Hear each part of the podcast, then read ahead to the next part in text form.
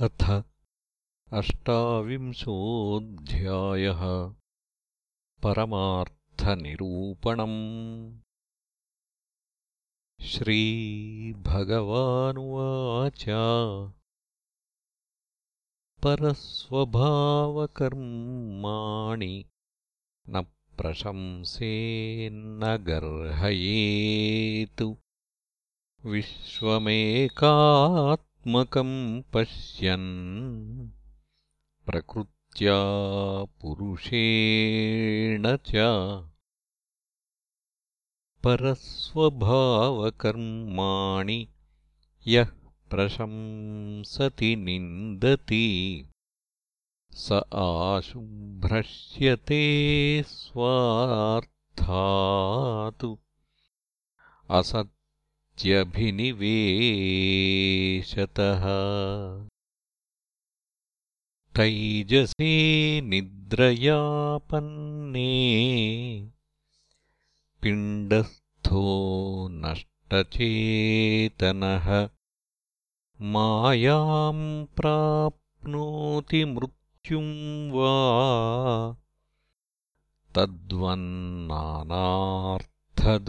तद्वन्नानार्थदृक्पुमान् किम् भद्रम् किमभद्रम् वा? द्वैतस्यावस्तुनः कियत्? वाचोदितम् तदनृतम् मनसाध्यातमेव च। छायाप्रत्याह्वया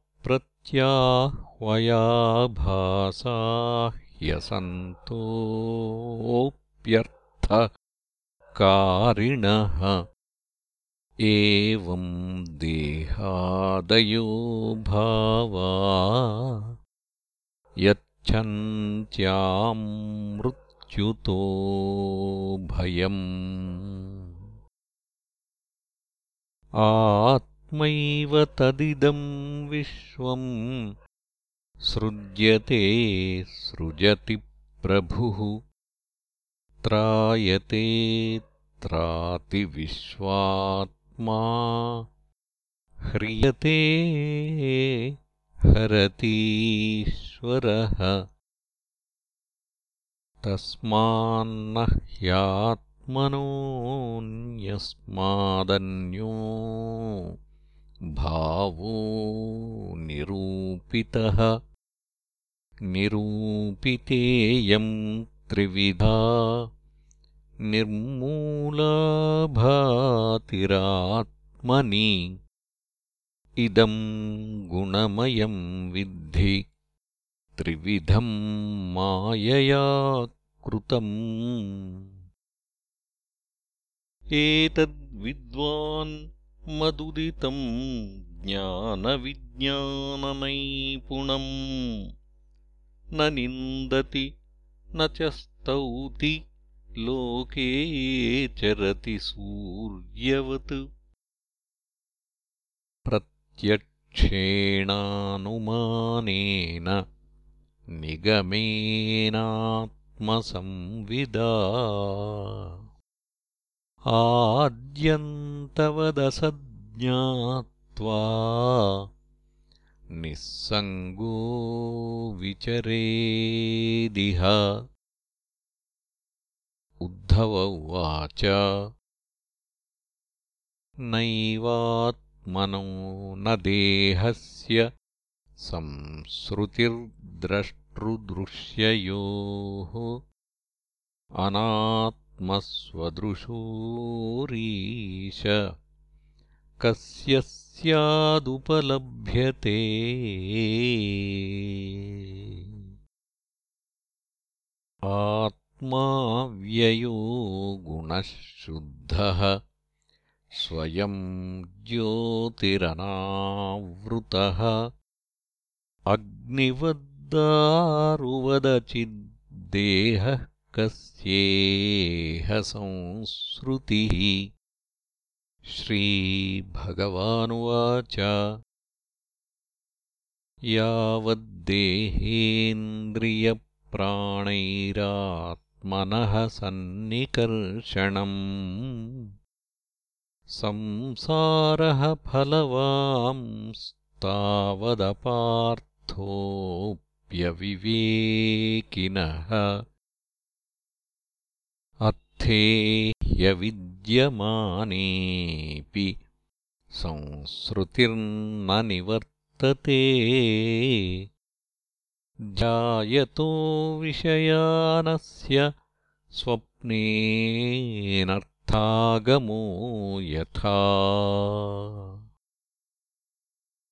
यथा ह्यप्रतिबुद्धस्य प्रस्वापो बह्वनर्थभृत् स एव प्रतिबुद्धस्य न वै मोहाय कल्पते। शोकहर्षभयक्रोध लोभमोहस्पृहादयः अहङ्कारस्य दृश्यन्ते। जन्ममृत्युश्च नात्मनः देहेन्द्रियप्राणमनोभिमानो जीवोऽन्तरात्मा गुणकर्ममूर्तिः सूत्रम् महानित्युरुधेव गीतः संसार आधावति कालतन्त्रः। अमूलमेतद्बहुरूपरूपितम् मनोवचः प्राणशरीरकर्म। ज्ञानासिनोपासनयाशितेन छित्त्वा मुनिर्गाम् विचरत्यतृष्णः। ज्ञानम् विवेको निगमस्तपश्च प्रत्यक्षमैतिह्यमथानुमानम् आद्यन्तयोरस्य यदेव केवलम् कालश्च हेतुश्च तदेव मध्ये। यथा हिरण्यम् सुकृतम् पुरस्तात् पश्चाच्च सर्वस्य हिरण्मयस्य तदेव मध्ये व्यवहार्यमाणम्। नानापदेशैरहमस्य तद्वत्। विज्ञानमेतत्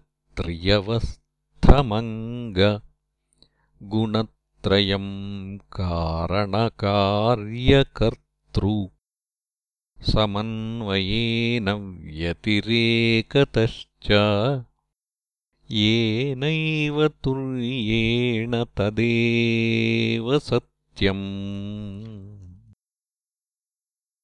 न यत्पुरस्तादुतयन्न पश्चात् मध्येऽपि तन्नव्यपदेशमात्रम् भूतम् प्रसिद्धम् च परेण यद्यत् तदेव तत् स्यादिति मे मनीषा। अविद्यमानोऽप्यवभासते यो। वैकारिको राजससर्ग एषः। ब्रह्म स्वयम् ज्योतिरतो विभाति ब्रह्मेन्द्रियार्थात्मविकारचित्रम्। एवं स्फुटम् ब्रह्मविवेकहेतुभिः परापवादेन विशारदेन चित्त्वात्मसन्देहमुपारमेत स्वानन्दतुष्टोऽखिलकामुकेभ्यः नात्मावपुः पार्थिवमिन्द्रियाणि देवाह्यसुर्वायुजलम् हुताशः मनोन्नमात्रम् धिषणा च सत्त्वम्। अहङ्कृतिः खम् क्षितिरत्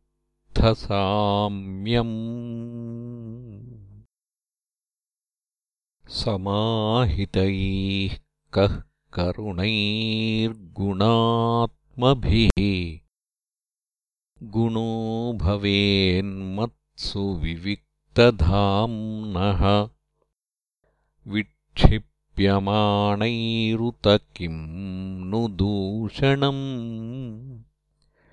घनैरुपेतैर्विगतैरवेः किम् यथा नभो वायुवनलाम्बुभूगुणैः गतागतैर्वर्तुगुणैर्न सज्जते तथाक्षरम् सत्त्वरजस्तमोमलैः अहं मतेः संसृतिहेतुभिः परम्। तथापि सङ्गः परिवर्जनीयो। गुणेषु मायारचितेषु तावत्। मद्भक्तियोगेन दृढेन यावद्।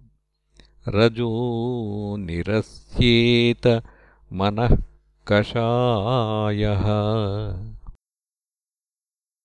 यथामयो साधुचिकित्सितो नृणाम् पुनः पुनः सन्तुदति प्ररोहन्। एवं मनोपक्वकषायकर्म कुयोगिनम् विध्यति सर्वसङ्गम्। कुयोगिनो ये विहितान्तरायैः मनुष्यभूतैस्त्रिदशोपसृष्टैः ते प्राक्तनाभ्यासबलेन भूयो। युञ्जन्ति योगम् न तु कर्मतन्त्रम्।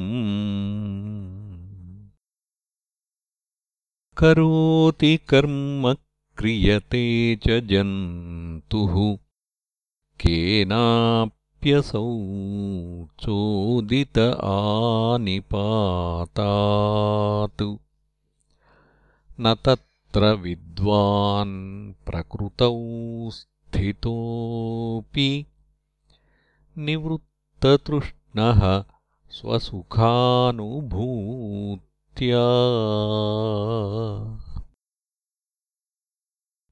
न्तमासीनमुतव्रजन्तम् शयानमुक्षन्तमदन्तमन्नम् स्वभावमन्यत्किमपीहमानम्।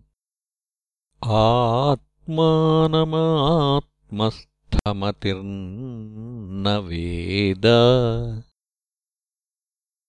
यदि स्म पश्यत्यसदिन्द्रियार्थम् नानानुमानेन विरुद्धमन्यत्। न मन्यते वस्तुतया मनीषी।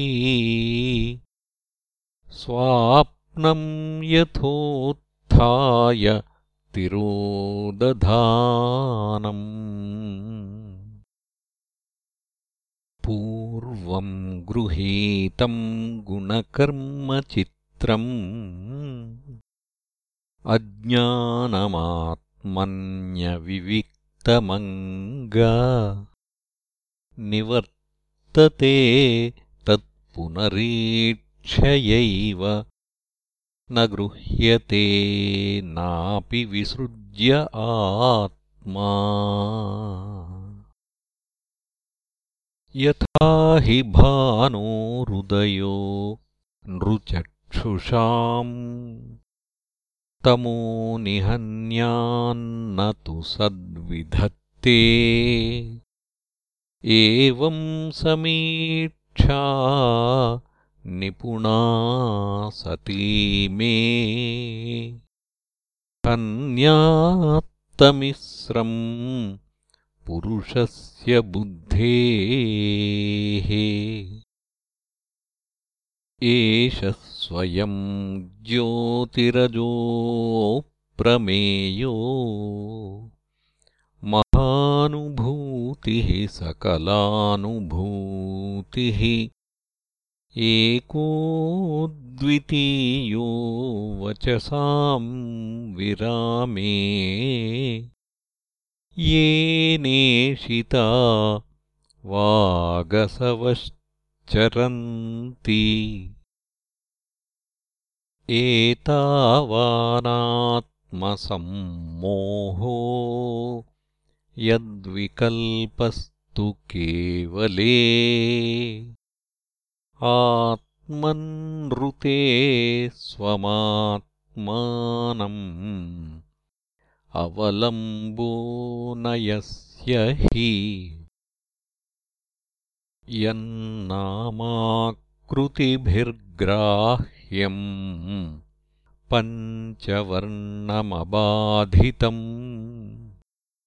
व्यर्थेनाप्यर्थवादोऽयम् द्वयम् पण्डितमानिना